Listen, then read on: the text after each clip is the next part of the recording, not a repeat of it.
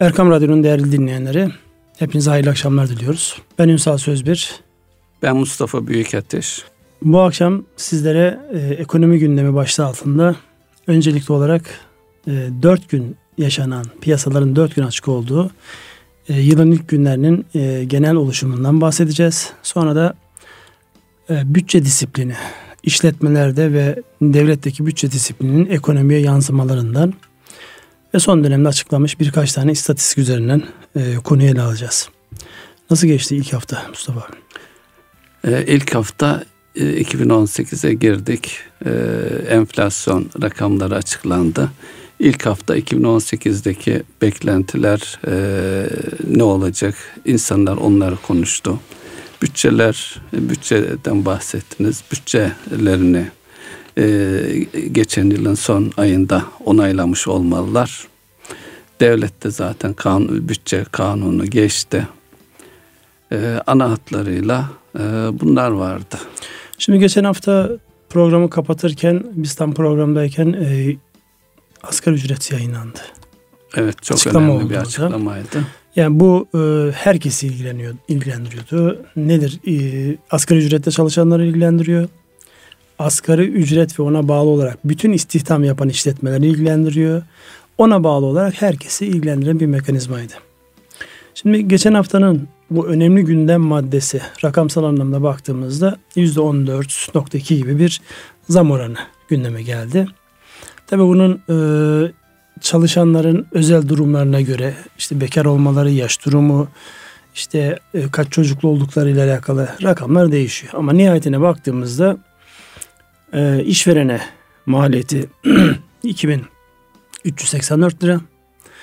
E, çalışanın aldığı yaklaşık işte 1603 lira gibi bir rakam. Yani normal açıklanan rakamdan bahsediyorum. Şimdi bu nasıl etkiledi insanları? Aslında bugün biraz kamu bütçesinden hareketle kamu bütçesinin ekonomiyi nasıl etkilediğinden biraz bahsetmek, oraya biraz girmek istiyorum ama öncelikli olarak aile bütçelerinden girelim. Asgari ücretli çalışan insanlarımızın e, ki sayı oldukça yoğun burada. Bu gelen zam oranı önce insanların zihninde nasıl oluşmuştur ve işletmeler nasıl etkilemiştir? E, çok fazla e, böyle acite etmeden lütfen bir yani pozitifte kalacağımızı geçen hafta da söylemiştik. Evet. Evet buyurun asgari ücret zam oranı sizin cephenizden nasıl algılandı? Asgari ücret e, toplumun ciddi bir kesimini ilgilendiriyor. Açıklanan rakam onları mutlu etti diye düşünüyorum. Yüzde 14,2 iyi bir oran. E, 20 olsaydı daha iyi olmaz mı? E, olurdu ama bunun bir de maliyeti var. Asgari ücreti çok fazla artırırsanız istihdamı olumsuz etkilersiniz. Gerçekçi olmaz diyorsunuz. Evet gerçekçi olmaz. İnsanlar e, maliyetlerini düşünerek e, insanların işten çıkarma yoluna gidebilirler. Bir diğer şey de ücretlerde e, manipülatif e, ödenenle gösterilen gibi bir fark olabilir. Benzer bir hadiseyi aslında biz yaşadık. Bu en son yapılan seçim öncesinde e, iktidarıyla muhalefetiyle bütün partiler biliyorsunuz asgari ücrette bir yarışa girdi.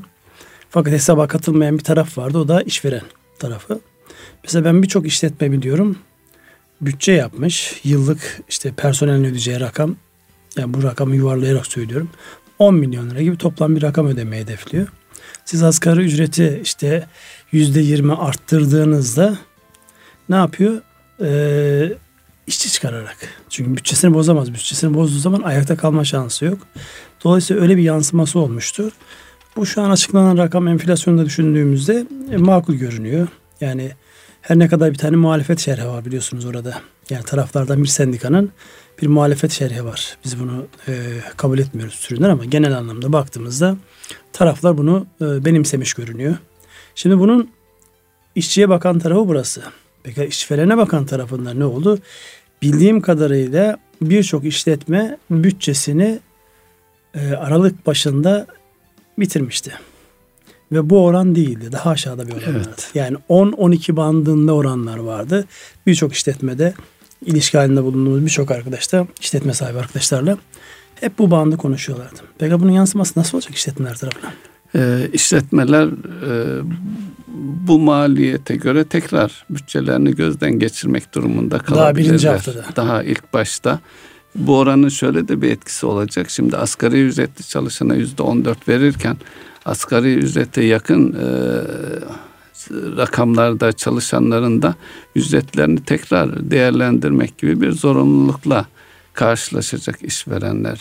Yani burada 1600 lira e, diyelim e, şu anki ele geçecek asgari ücret için 1800 lira. İşveren maliyeti 2384 lira. E, tamam e, bu baskıyı çalışan oluşturacağı için çalışanın eline geçecek rakamdan hareketle bakarsak 1800 lira alan 1700 lira alan bir çalışanda asgari ücret bu olduysa ben daha nitelikliyim veya tecrübeliyim. Benim e, ücretim de 1900-2000 olmalı diye beklenti içerisine girecek. Bunun ben 1902'ye razıyım. Mesela yani. 1700'den yani. 1900'e razıyım. Çünkü oradaki rakam da aşağı yukarı işte evet, bütçelerin %10-12'lik evet. dilime denk geliyor. Ama daha yukarıda olması halinde yani ve e, toplamda da bir bütçe var burada. Yani insanlara ödeyeceğiniz toplam ücretlerin maliyeti bütçenizde belli. Ve siz bunu e, bir rakam olarak belirlemişsiniz. Ama asgari ücret ve ona bağlı olarak bütün ücret sisteminde bir değişiklik olduğunda ve yılın ilk haftasında karşınıza geldiğinizde ben yani bunu bizzat tecrübe ettiğim için söylüyorum. Evet. Birçok arkadaş böyle eyvah daha yılın ilk gününde ki biz onlara sürekli bütçe disiplininden bahsediyoruz. Yani bütçe disiplinin ne kadar önemli olduğundan bahsediyoruz. İlk hafta böyle bir e, sürpriz geldi önlerine. Artı bir şey daha oldu. E, başta elektrik olmak üzere bütün enerji evet. girdilerine zam geldi. zam geldi. Dolayısıyla yani şu an insanların konuştuğu ilk e, haftada biraz bütçelerin e, düşünülenden farklı bir tarafa doğru evrildiği noktasında. Bundan sonraki süreçte herhalde en fazla konuşulacak unsurlar bunlar olacak. Çünkü önümüzde yaklaşık bir, bir ay biraz geçen bir süre var. Yani o Ocak ayının sonunda Şubat'ın ilk haftası gibi işte ortalama eğer yani zam artış oranları Nisan'dan Nisan'a uygulayan şirketler de var. Ama genellikle Ocak, Ocak ayının sonunda belli oluyor bu. Ocak ayının sonunda 3 aşağı 5 yukarı herkesin rengi belli olacak.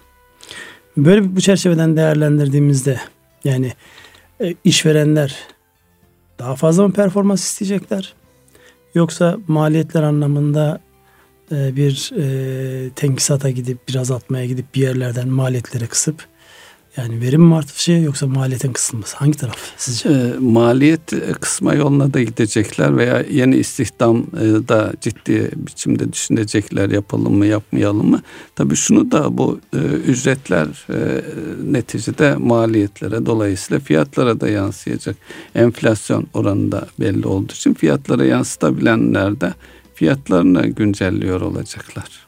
Yukarı doğru. Orada tabii. zaten problem bugün zaten e, değineceğimiz konulardan bir tanesi de e, üretici fiyatları ve tüketici fiyatları arasındaki belirgin fark. Yani e, baktığımızda henüz daha üreticiler fiyatlara maliyetlerini yansıtabilmiş değil. Üretici enflasyonu tüketici enflasyonun bir hayli üzerinde. Oradan hareket ettiğimizde henüz daha nihai ürüne yansıtamadığı belli maliyetler varken ekstra bir maliyetin daha gelmiş olması biraz çözülecek problemin büyüklüğünü artıracaktır diye düşünüyorum. Bu bütçe mevzuna girmeden önce şu e, piyasalardaki bir haftalık e, gelişmeden şöyle kısaca bir bahsedelim isterseniz. Ondan sonra e, devamında e, konuşuruz bunları.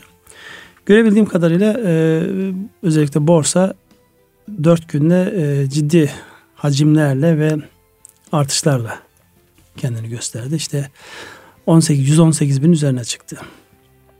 Ve ilgi artıyor oraya. Girişler var, parasal girişler var. Ee, Amerika ile problemin bir nebze çözülmüş olması, vize probleminin çözülmüş olması, Türk lirası dolar ilişkisine baktığımızda Türk lirasının lehine bir gelişme var. Aşağı geliyor. 3.73'leri gördük. Bu arada tabi dolar euro paritesinde 1.17 ile 1.20 arasında bir gidiş geliş var. Şu an 1.20'nin üzerinde. Yani Avrupa lehine bir artış var orada.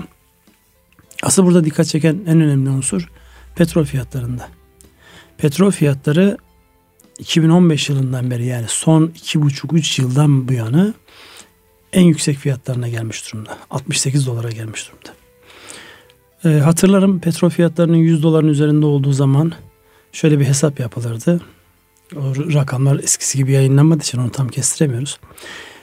Dolar e, petroldeki her 10 dolarlık artışın ya da azalışın bize maliyeti 4 milyar dolar gibi bir rakamdan bahsediliyordu. E, petrol talebimiz bu anlamda ne kadar arttı bunu tam istatistikler anlamda göremiyorum. Ama yani artışın ya da azalışın bize bir maliyeti var. Çünkü biz net ithalatçı bir ülkeyiz. Bu anlamda baktığımızda son e, iki buçuk üç yılın en üst seviyede olması petrol fiyatlarının ve yapılan anlaşma petrol üreticiler arasında yapılan anlaşmanın bundan sonraki süreçte de petrol fiyatlarının daha yukarıya gideceği ya da aşağı gelmeyeceği en azından bizim açımızdan baktığımızda e, önemli bir sürpriz.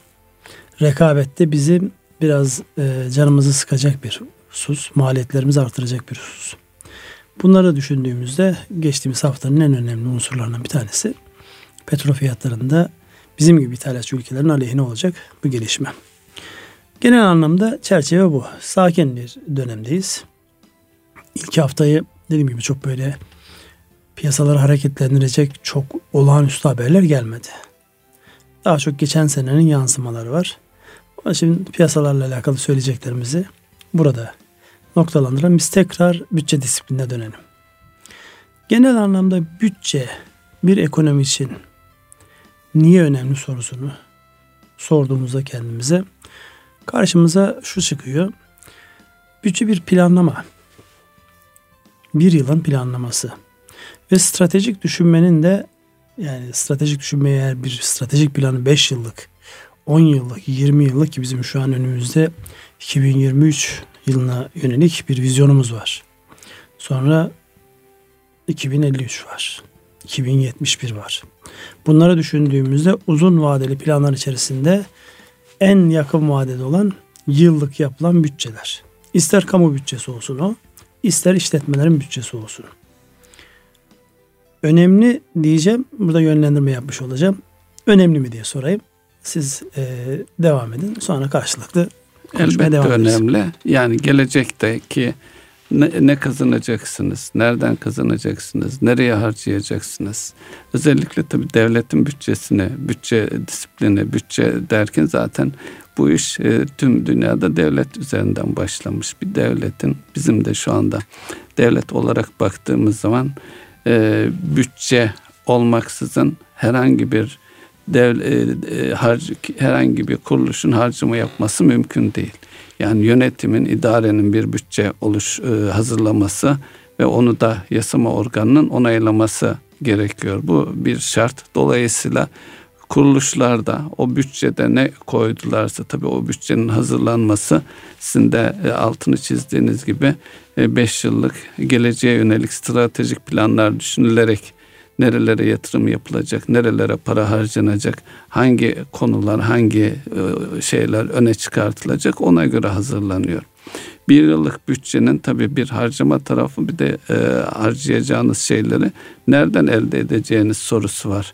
Nereden elde edilecek sorusu da özellikle vergiler e, gündemde. E, vergilerinde hangi toplumsal kesimden vergi elde edeceğiniz, kimlere ne kadar e, yük bindireceğiniz bunların hepsi stratejik olarak karar verilmesi gereken şeyler. Ki bugünlerde e, en önemli şey özellikle Amerikan devlet yönetiminin böyle çığlıklarla, sevinç çığlıklarıyla karşıladıkları zenginlerden alınan, üst gelir grubundan alınan vergi diliminin düşürülmesiyle alakalı bir e, yasa geçirdiler.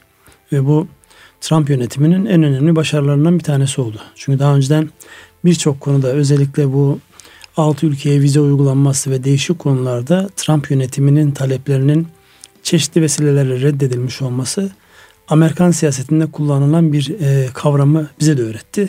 Topal ördek kavramını. Yani siyasi iktidar ilk 100 günde, ilk 200 günde vaat etmiş olduğu şeyleri yerine getiremediği zaman e, Oradaki benzetme çok enteresan. Niye topal ördek diyorlar onu bilmiyorum. Merak ettim ben şimdi, şimdi araştıracağım. O hükümet için topal ördek artık yani bundan sonra gideceği mesafede hep böyle önüne engeller çıkacak gibi bir benzetme yapıldı. Bizde tabi Amerikan sistemi gibi bir sistem yok. Uzun yoğun tartışmalardan sonra ki burada daha önceden de eğitim bütçesinden bahsetmiştik. Şu anki bütçemizdeki en önemli kalem eğitim bütçesi ki eğitim şart. Evet. Ona ihtiyaç var. Yani buradaki belirlenen e, hususlar var. Peki burada bütçe denkliği, bütçe disiplini anlamında baktığımızda önümüzde yani bütçeler nasıl değerlendiriliyor? Yani ben istediğim yani diyelim bütçeyi yaptık 10 milyar TL açık öngördük. Bunu da nasıl finanse edeceğimizin yollarını düşündük. Fakat aylar itibariyle baktığımızda bu rakam 10, 20, 30 diye gidiyor. Bunu frenleyen, bunu engelleyen herhangi bir şey var mı?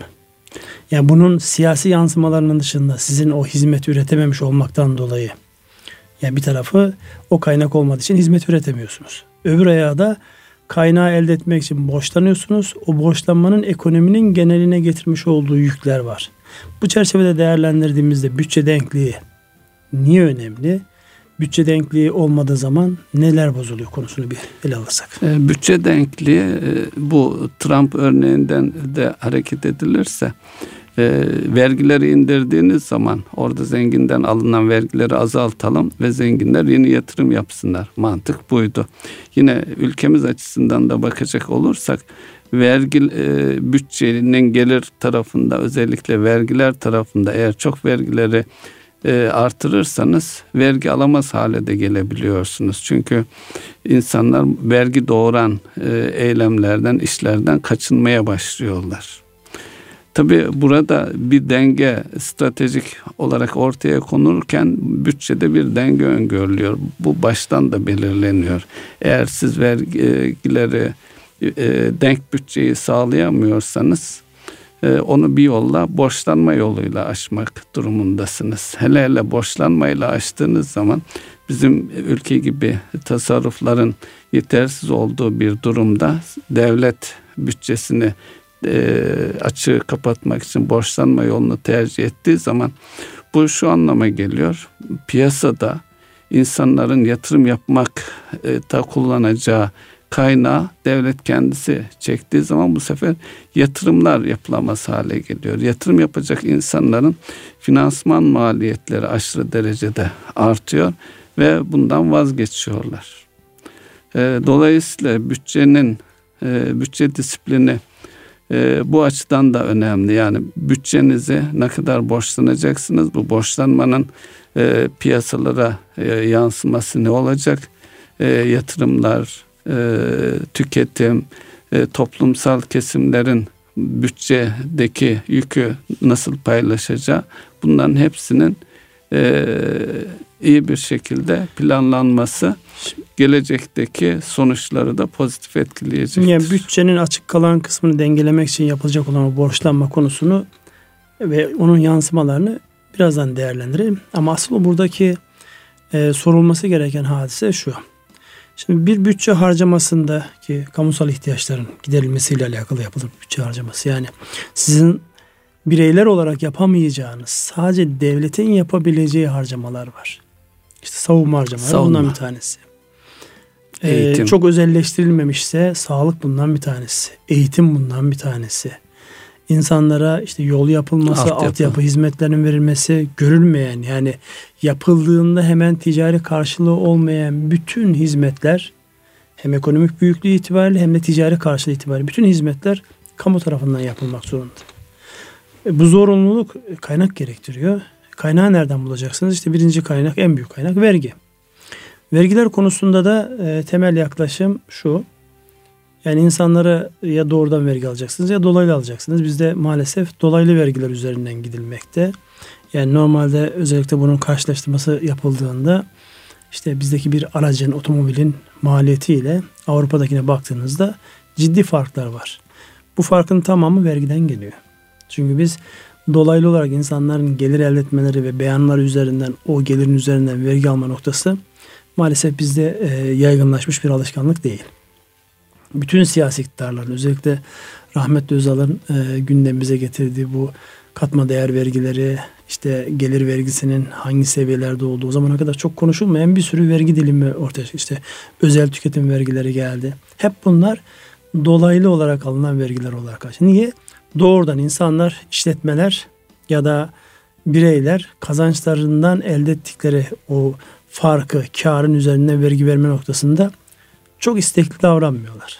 Çok istekli davranmayınca da devlet bu kamusal harcamaları gerçekleştirebilmek için bir yerden kaynak temin etmek zorunda. O da en yoğun kullanılanlar nedir bunlar? İşte araç aldığınızda, otomobil aldığınızda bunun üzerinde ciddi bir yük var. E, aracınıza koyacağınız akaryakıt üzerinden ciddi bir yük var. Cep telefonu alıyorsan cep telefonu üzerinden ciddi bir yük var. E, işte eğer alkol tüketiyorsa insanlar onların üzerine konmuş ciddi vergisel yok. Bunlar hep dolaylı vergiler olarak bu bütçe denkliğini kamusal ihtiyacın karşılanması için lazım gelen kaynağın tedarik için. Şimdi burada e, zaman zaman e, özellikle yatırımların yani bizim yaşamımızın en önemli unsurlardan bir tanesi bütçe denkliğini sağlamak için lazım gelen kaynağı siz hangi vergi dilimine, hangi vergi tipine yansıtıyorsunuz?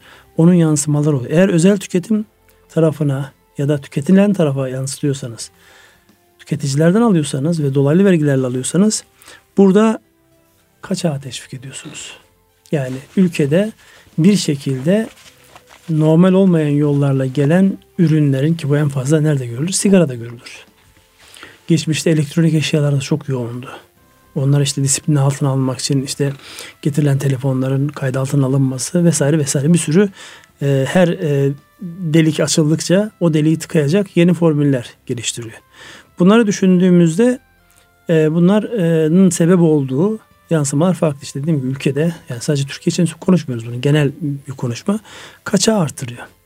Peki gelir vergisi tarafında siz biz avantaj ya da arttırdığınız zaman ki mesela Fransa çok enteresandır. Bazı Fransız vatandaşı ünlü kişiler Fransız vatandaşlığından çıkıyorlar ki %70'e varan vergilere muhatap olmamak adına. Yanlış hatırlamıyorsam bir yani ünlü bir e, sanatçı e, Rus vatandaşı olmuştu. Evet, Sırf bu vergilerden kurtulabilmek için. Şimdi bunların hepsini birlikte değerlendirdiğimizde ülkeye girecek olan kaynağı, gelecek olan yatırımı ya da var olan yatırımcıların nelere yatırım yapacağını belirleyen önemli unsurlardan bir tanesi bu vergi. Onun için böyle vergi deyince böyle e, genel üzerinde sadece söylenip geçilecek bir mevzu değil. Ülkenin gündemi neyse bütçesi, 5 yıllık planı, orta vadeli planı, uzun vadeli işte 25 yıllık 50 yıllık planların çerçevesinde vergiyi ne tarafa doğru aktaracağını konjonktürel hareketlerden bağımsız olarak bir stratejiye ihtiyaç var burada. Bu çerçeveden değerlendirdi. Parantezi çok uzun açtım. Bu çerçeveden değerlendirdiğimizde biz yatırımların artması noktasında ya da kamusal ihtiyaçların optimum seviyede karşılanması noktasında nasıl bir yöntem izlemeliyiz ki ısrafa kaçmadan gerçekten mesela hepimizi rahatsız eden unsurlardan bir tanesi. Yol yapılıyor. Ertesi gün geliyor kazılıyor. Ertesi gün geliyor bir daha kazılıyor. Birisinde elektrik idaresi, birisinde gaz idaresi, birisinde belediyenin bilmem ne bir operasyonu ağır maliyetler. Şimdi bunun bizde özellikle sorgulanan tarafı biraz zayıf kalıyor. Hiç unutmuyorum bu cümleyi de tamamlayayım ondan sonra sözü size vereceğim. İsviçre'de bir belediyenin bir altyapı yatırımı vardı zannedersem kaldırım e, ya da işte yolun yapılmasıyla alakalı. Eski belediye yapmış. Aradan 6-7 yıl geçtikten sonra yeni belediye gelmiş tekrar yapmış. İki belediye yöneticilerini de yani iki dönemdeki belediye yöneticilerini de mahkemeye vermişler. Bunun ömrü 20 yıl. 20 yıllık bir şeyi eğer ihtiyaç yokken yaptıysan yeni belediye yönetimine bir fatura çıkarılması. Eğer ihtiyaç çıkmışsa yani gerçekten orada bir tadilata, tamirata ihtiyaç varsa 20 yıllık ömür olması gereken bir şey nasıl 7 yılda bu hale geldi'nin sorgusunu sormak için de eski yöneticilere yönelik bir şey var. Şimdi bunu düşündüğünde bizim için çok ütopik kalıyor bu hadise. Çünkü güzelim asfalt yapılıyor. Ertesi gün geliyor bir tanesi kırıyor. Niye? Ciddi bir planlama eksi var. Nereye bağlamaya çalışıyorum? Bütçe bir planlama unsurudur. Ve çok disiplinle yapılması gereken bir hadisedir. İster bunu ev bütçesi yapın, ister şahsi bütçeniz yapın, ister e, işletmenizin olsun, ister devletin olsun. Kaynak çok sınırlı, kıt. Bu çerçevede değerlendirdiğimizde ekonominin gelişmesi açısından gündemimiz ekonomi, ekonomi gündemi. Neler yapılmalı ki doğru yere aksın bu devasa kaynaklar. Ee, bu vergilerle ilgili birkaç şey de ilave etmek e, için e, dolaylı ve dolaysız vergi ayrımında e, geçmişimize baktığımız zaman devlet gelir vergisini dolaylı yoldan alabiliyordu. Yani Hala kayıt dışılık. Yani. Burada azalmalar var. Ona dikkat çekmek için ben de zaten özellikle ödeme sistemlerinin yaygınlaşması yani harcamaların kredi kartıyla, banka kartlarıyla yapılıyor olması. Organize Bunu, işletmelerin sayısının artması. Evet, parakendelerin özellikle e, organize parakendelerin artmış olması, onların teşvik ediliyor olması, kampanyalar, şunlar bunlar artık kayıt dışı satış yani eskiden hatırlarsanız katma değer vergisi çıktığında eş zamanlı olarak bir de vergi iadesi çıkmıştı. Katma değer vergisinin mantığı kayıt dışılığını ortadan kaldırma amacıyla çıkmıştı. Ve e, özellikle e, çalışanlarda o zaman hatırlıyorum bir çalışan olarak işte fişleri, faturaları biriktirip vergi iadesi almak almaya çalışırdık. Böyle bir şey vardı ama geldiğimiz nokta itibariyle bu zaten bu fatura toplama işi e, kaldırıldı, bürokrasi oluşturuyor diye. Halbuki o belki devam edebilirdi. Kayıt dışılı e, denetim altında nispeten tutmak için. E, trend artık kayıt dışı kimsenin hareket edemeyeceği bir noktaya doğru gidiyoruz. Bundan sonraki süreçte kamu otoritesi, devlet belki de dolaylı vergileri azaltarak doğrudan kişilerin gelirlerinden alınacak e, vergileri artırma yoluna gidebilir. Yani oranı artırmayı kastetmiyorum. Kayıt dışılık azaldıkça doğal olarak orada bir e, iyileşme olacak. Zaten bunu hatırladığım kadarıyla zaman zaman önceki Maliye Bakanı sanıyorum dile getirmişti.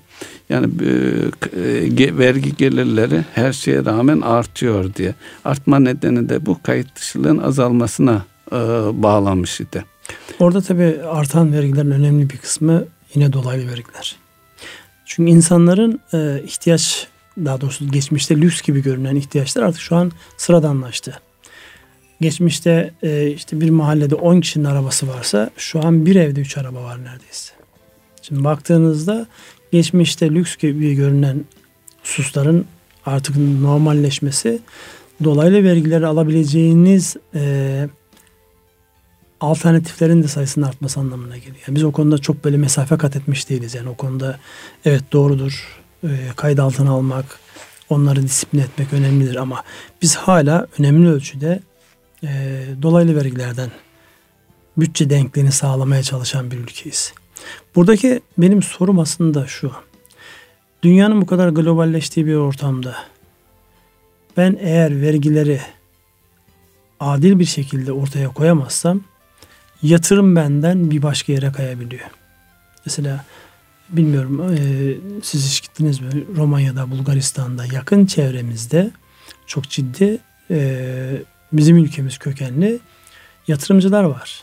Niye buradasınız dediğinde bir Avrupa Birliği'ne hemen direkt giriyorum. Bir avantajı var. E, işçilik maliyetleri e, otomatize oldu artık. Eskisi kadar da işçilik maliyetleri çok etkilemiyor beni. Yakın olmak, o piyasanın dibinde olmak beni daha fazla karlı hale getiriyor deyip yani sizin ülkenizdeki bir yatırımın başka yerlere kaymasına sebep olabiliyor bu vergiyle alakalı düzenlemelerin olması. Hatırlayın bu hafta Konya'da yaşamış olduğumuz iş adamlarının şikayeti neydi? Ki ben, biz de geçmişte biraz da tebessüm ederek izlemiştik hatırlarsanız bu söylenenleri. Gencecik çocuklar gelmişler bütün acemiliklerini bizim üzerimizde öğreniyorlar. Evet. Neydi oradaki serzeniş? Bürokrasi. Ya bizim ne kadar zorlandığımızı, bu parayı kazanırken ne kadar zorlandığımızı henüz anlamayacak genç yaştaki insanlar ki biz de öyle başlamıştık meslek hayatımıza. Yüzümüzde ikimiz de böyle göz göze geldiğimizde güldüren hadise oydu. Öyle öğreniliyor. Denetçi kendilerine... kökenli olduğumuzda vurgulayacaksınız evet. herhalde. Sen vurgulamış oldun. ee, dolayısıyla yani denetim mekanizması böyle yaşlı insanları yapabileceği bir hadise değil. Yani öz itibariyle sürekli aynı şeyleri tekrarlayan, yani o insanlara bir heyecan vermezseniz yapılacak bir iş değil öz itibariyle. Yani en azından şu an denetçiler kızmasınlar ama çok uzun vadeli yapılacak bir hadise değil. Şikayet ne? Henüz daha bizim işin ne olduğunu bile anlamayan insanlar bizi denetliyorlar ve bilmedikleri konularla alakalı bize işte vergiler, işte sosyal güvenlikle alakalı cezalar çıkarılıyor. Yani tam Nasrettin Hoca gibi haklısın ama devlet organına baktığında devlet organı da o insanları başka türlü istihdam edemez orada. genç insanlardan. O insanlar bir yerde öğrenecekler bu işi. Dolayısıyla alt alta baktığımızda yani vergi sistemi o kadar önemli ki sizin kendi kaynaklarınızın başka tarafa akması ya da başka yerde var olan kaynağın buraya akmasını bile ana hatlarıyla belirliyor. Ki bu e, geçmişte İstanbul'un finans merkezi olma noktasındaki tartışmaların en önemli unsurlarından bir tanesi vergi mevzuatımızın basit anlaşılır olmasıyla alakalı bir husustu. Yanlış hatırlamıyorsam. Doğru. Dolayısıyla bu çok önemli bir mevzu. Bundan sonraki süreçte yani bu belirlenen oranlar insanların vergi ödeme ya da vergi anlama noktasındaki kolaylıklar ya da zorluklar gelecek yatırımları ya mevcut olan yatırımların büyümesini ana belirleyecek olan unsurlar olacak. Bu konuda ilave etmek istediğiniz bir şey var mı? Bütçe denkliği ile alakalı. Az önce bütçenin eksik kalan kısmının borçlanmayla tamamlandı. İç ya da dış borçlanmayla tamamlandı. Burada peki sınırsız mıdır bu borçlanma? Çünkü yine Amerikan örneğinden hareket ediyorum. Obama'yı birkaç kere bu topal ördek konumuna düşürdüler. Maaşları eğer ilave açılmazsa işte yasama organı o izni vermezse maaşlar ödenemeyecek diye birkaç kere böyle tıkanma noktasına gelmişti. Demek ki her istedikleri kadar borçlanamıyorlar. Evet. Bizde bu anlamda bir şey var mı? Bir sınırlama var mı? Bizde bir sınırlama yok. Böyle bir sınırlama yok. Tabi borçlanmanın da neticede borçlandığınız şeyi de ödemek durumundasınız. Şimdi Amerika örneği verdik. Onlar için kolay. Onlar e, doları e, dünya egemen bir para. Tüm e, büyük ölçü, ölçüde Amerikan dolarıyla ticaret yapıldığı için Amerika para basarak borçlarını ödeyebiliyor. Ee, ama bizim gibi ülkeler e, aldığımız borcu bir yolla ödemek zorundayız. Bu borç sarmalı çok aşırı yüklenirse gelecekte hiçbir e, hareket yatırımda e, buna benzer hareket alanı kalmadığı gibi gelecek nesillere de bir borç yükü aktarmış oluyoruz. Ama orada şunu gözlerden kaçırmamak lazım. Özellikle mesela Türkiye'nin e, son dönemdeki tetikleyici yatırımları hep kamunun yapmış olduğu yatırımlar. Tamam kamu kendisi doğrudan borçlanmadı. Ve uzun bir aradan sonra ilk defa hazine garantisiyle borçlama noktasının okunun önü açıldı. Niye? Ee, işte üçüncü köprü, üçüncü hava alanı, arkadan gelecek Avrasya. olan Avrasya, işte Kanal İstanbul projeleri gibi yapıların Körfez geçişi. Körfez geçişi şu an Çanakkale ile Çanakkale, e, Çanakkale evet.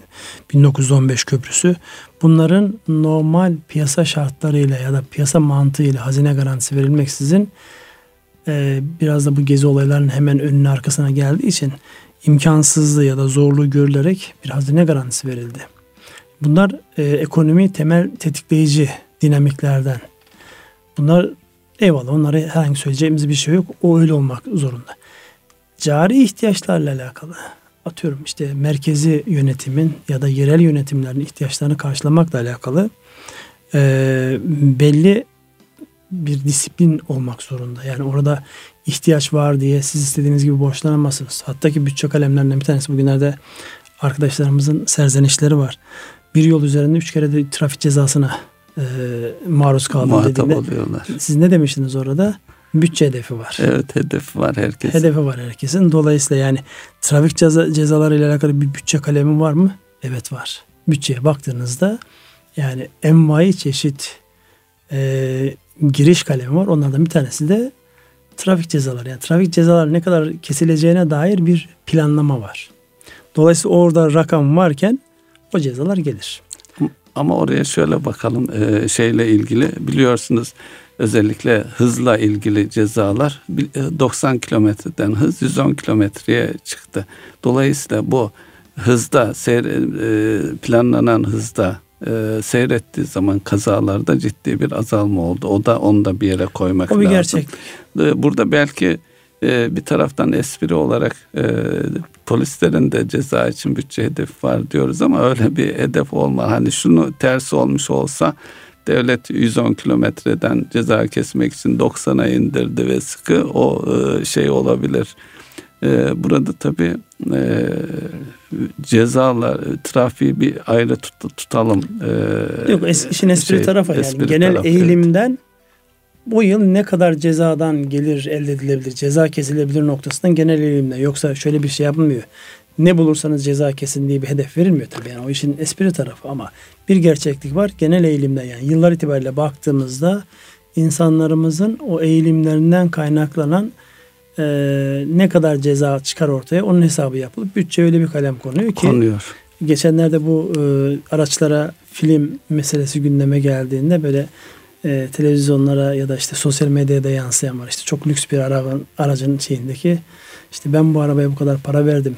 İşte buna eğer film çektirmeyeceksem ya da işte istediğim hızla gidemeyeceksem ben buna niye para verdim gibi böyle çok uç örnekleri var. Yani yollar güzelleştirdiniz. Araçlarda teknoloji inanılmaz üst Arttı. seviyeye çıktı. Ve siz insanlara bu tabi yani işin espri tarafı. Ben bundan bahsetmiyorum. Benim bahsettiğim taraf o bir var. Ama insanlar peş peşe cezaya maruz kaldıklarında e niye ki dendiğinde gülüp geçilecek bir mevzu. Bütçe hedefi deyip biraz evet. da ekonomi mantığıyla baktığım için hadise.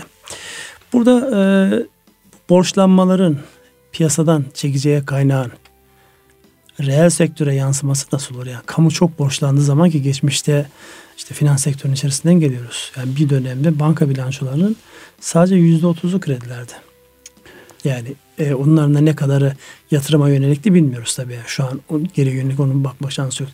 Geri kalanı tamamen kamunun borçlanmasına yönelikti. Şu an kamu borçlanması yüzde yirmiler seviyesinde.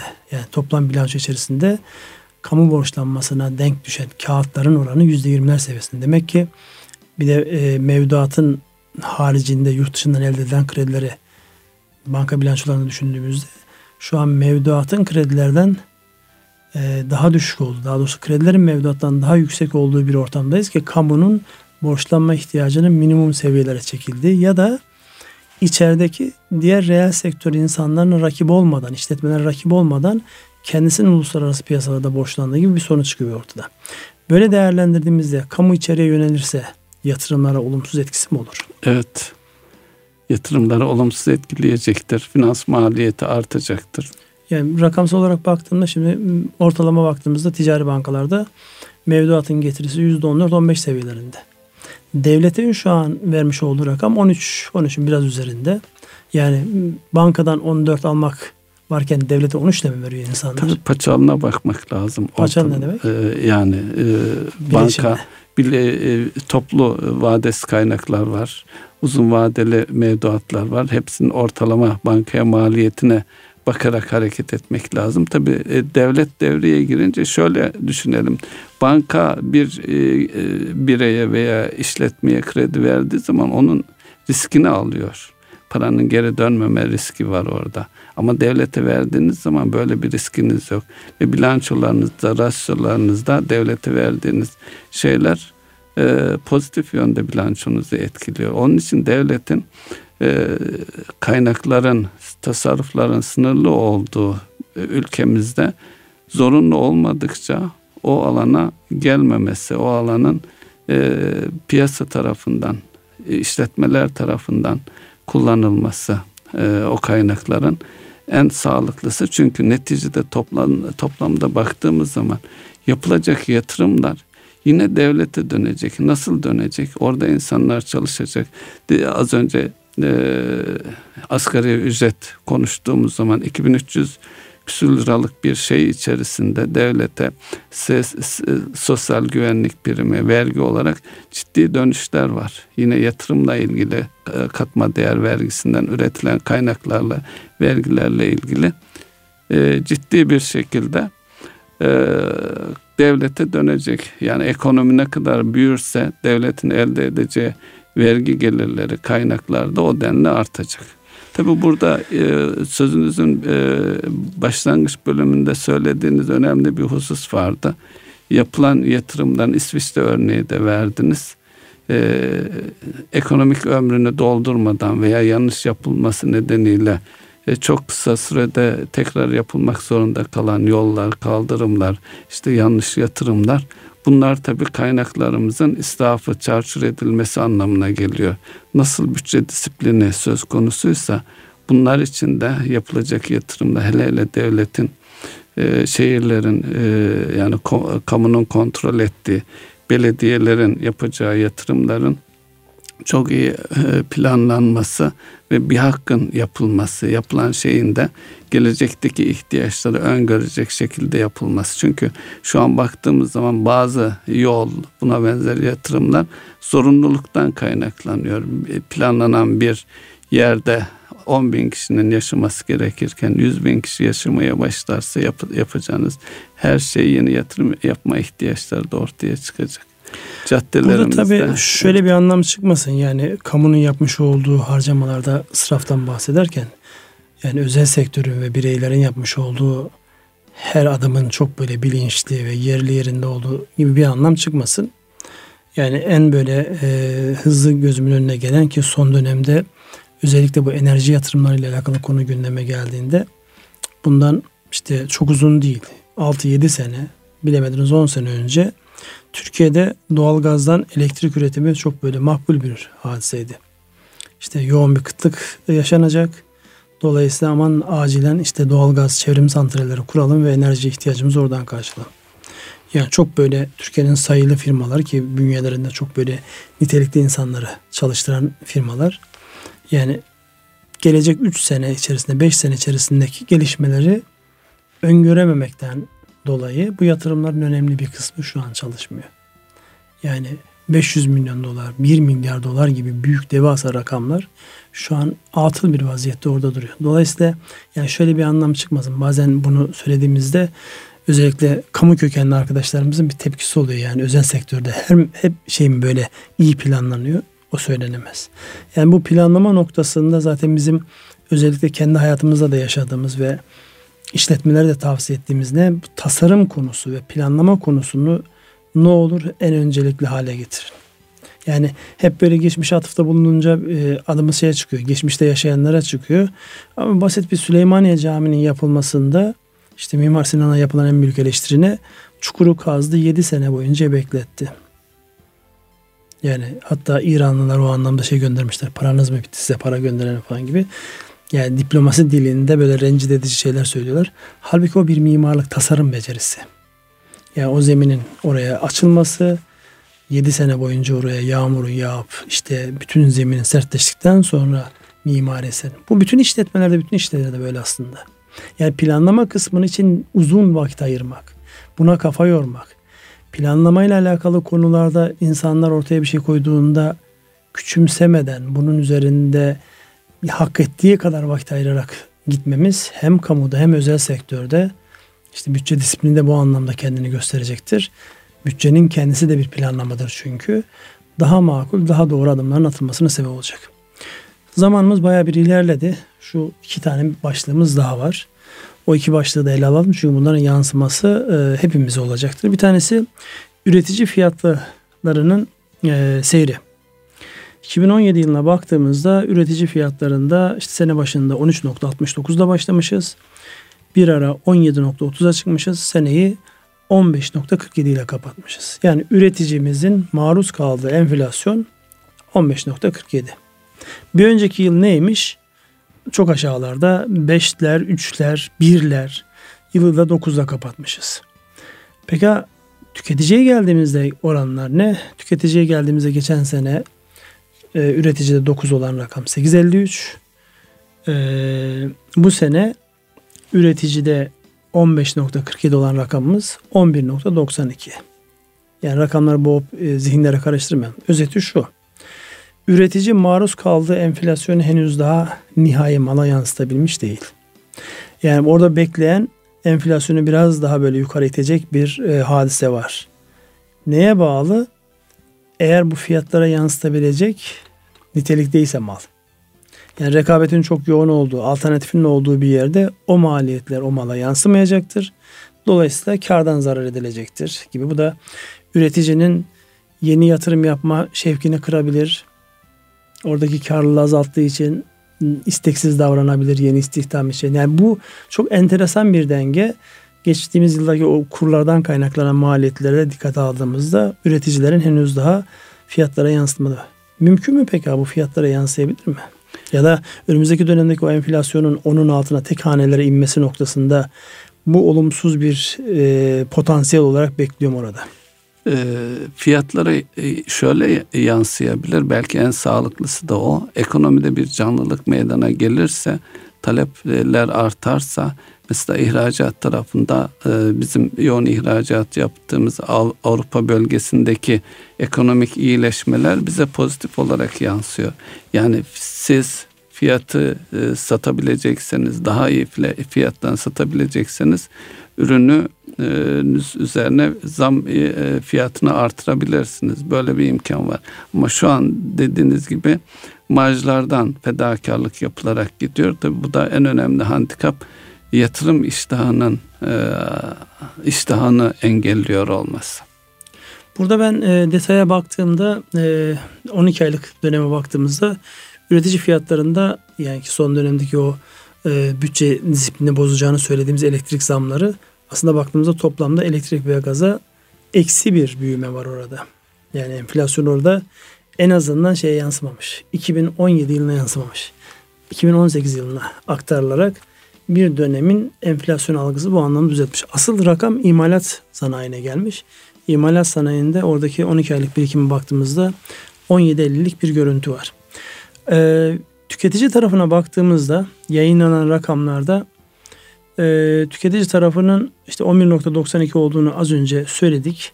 Alt kalemler itibariyle baktığımızda en fazla artış nerede baktığımızda ulaştırma, sağlık, e, gıda ve alkolsüz. Gıda ve alkolsüz içecekler tarafında ciddi artışlar görülüyor. Dolayısıyla e, tarım ve gıdadan kaynaklandığına dair çok yoğun yorum yapılıyor enflasyonun şu an özellikle tüketiciye yansıyan tarafının. Onunla alakalı önümüzdeki dönemlerde başta Merkez Bankası ki asli görevi budur. Fiyat istikrarının sağlanması. Sonra işte 2008-2009 krizinden sonra finansal istikrarın sağlanması tam ıı, kanunda da belirlenmiş bir şey değil, görev değil ama merkez bankalarının o tavır bekliyorum. Merkez Bankası'nın asli görevi fiyat istikrarının sağlanması. Dolayısıyla önümüzdeki dönemde herhalde Merkez Bankası'nın da hepimizin de en fazla yoğunlaşacağı konu enflasyon seviyesi olacak. Çünkü bu ücretleri belirliyor, bu bütün maliyetleri belirliyor. Ee, dönüyorsunuz fiyatları, ürettiğiniz ürünün fiyatına bakıyorsunuz. Burada sadece az önce sizin satır arasında söylemiş olduğunuz ihracata dayalı büyümede şöyle bir hadise yaşanıyor. Özellikle ihracatçı firmalarla konuştuğumuzda hiçbir maliyette geri çekilme olmadığı halde dünya rekabetinden dolayı bizden mal talep eden tedarikçiler fiyat indirmemizi istiyorlar. Dolayısıyla ihracatın karlılığı ile alakalı önümüzdeki günlerde eğer rekabet yoğun sektörde faaliyet gösteriyorsanız öyle işte ihracat çalışıyorum demiş olmanın çok böyle keyfini yaşayamazsınız gibi bir tedirginlikten bahsetmişlerdi hatırlarsanız evet. o görüşmelerde. Evet enflasyon noktası fevkalade önemli. Yani bununla alakalı az önce de dediğim gibi Merkez Bankası'nın mücadelesi ortaya koyacağı performans hepimizin e, lehine olacaktır. Dramatik olan şu e, Batı ekonomisi Amerika başta olmak üzere e, Avrupa ülkelerinde enflasyon olsun insanlar e, harcasın bir şeyleri ve ekonomi canlansın diye uğraşıyor. Bizde tam tersine genç bir nüfus var, dinamik bir nüfus var. İhtiyaçların moderniteyle beraber fazlasıyla gündeme geldiği bir dönem var. Bizde aman enflasyon aşağı gelsin ki e, başta gelir dağılımı ile alakalı. Çünkü enflasyon çok ciddi bir yani adaletsizlik mekanizması aynı zamanda. Dengeleri inanılmaz bozuyor. Var olanı inanılmaz yukarı götürüyor, yok olanı da yerin dibine sokuyor. İşte elde edilen gelirlerin yetmemesine, varlığın yetmemesine sebep oluyor. Onun için enflasyon mevzu herhalde bizim Allah ömür verir o günleri görürsek 2018 yılında en yoğun konuşacağımız konulardan bir tanesi olur. Peki bu konuda sizin özellikle bireylere, şahıslara yönelme noktasında enflasyondan en az etkilenme noktasında formüller var mı? Ee, ilk baştan söylediğimiz bütçeyi konuşmuştuk bireylerde hatta e, gençlerimiz bile bütçesini yapabilmeli. Ne kadar harçlık alıyor, nerelere harcayacak, ne yapacak gibi. Hakeza aileler oralardan başlarsa bütçesiyle ilgili yani ihtiyaç ne, ihtiyacı en iyi, en optimum şekilde, en ucuz, en e, maliyet ve kalitesiyle hangi dengede istiyorsa o şekilde hareket ederse e, tavsiyemiz budur yani. Yani özeti şu mudur? Eğer enflasyondan, fiyat artışlarından şikayet ediyorsanız, elde etmiş olduğunuz gelirlerin size yetmemesinden şikayet ediyorsanız önce kendinize bakarak Bakın. bir bütçe disiplini sağlayın. Evet. Şahıs olarak sağlandığında işletme olarak da sağlanır. Evet. İşletme olarak sağlandığında ülke olarak da sağlanır mı diyorsunuz? Evet. İnşallah güzel bir sonuç oldu. Güzel bir bağlam oldu. Geldik yine programın sonuna. Erkam Radyo'nun değerli dinleyenleri bir ekonomi gündemi programının daha sonuna geldik. Sürçülisan eylediysek affola. Hepinize hayırlı akşamlar diliyorum. Hayırlı akşamlar.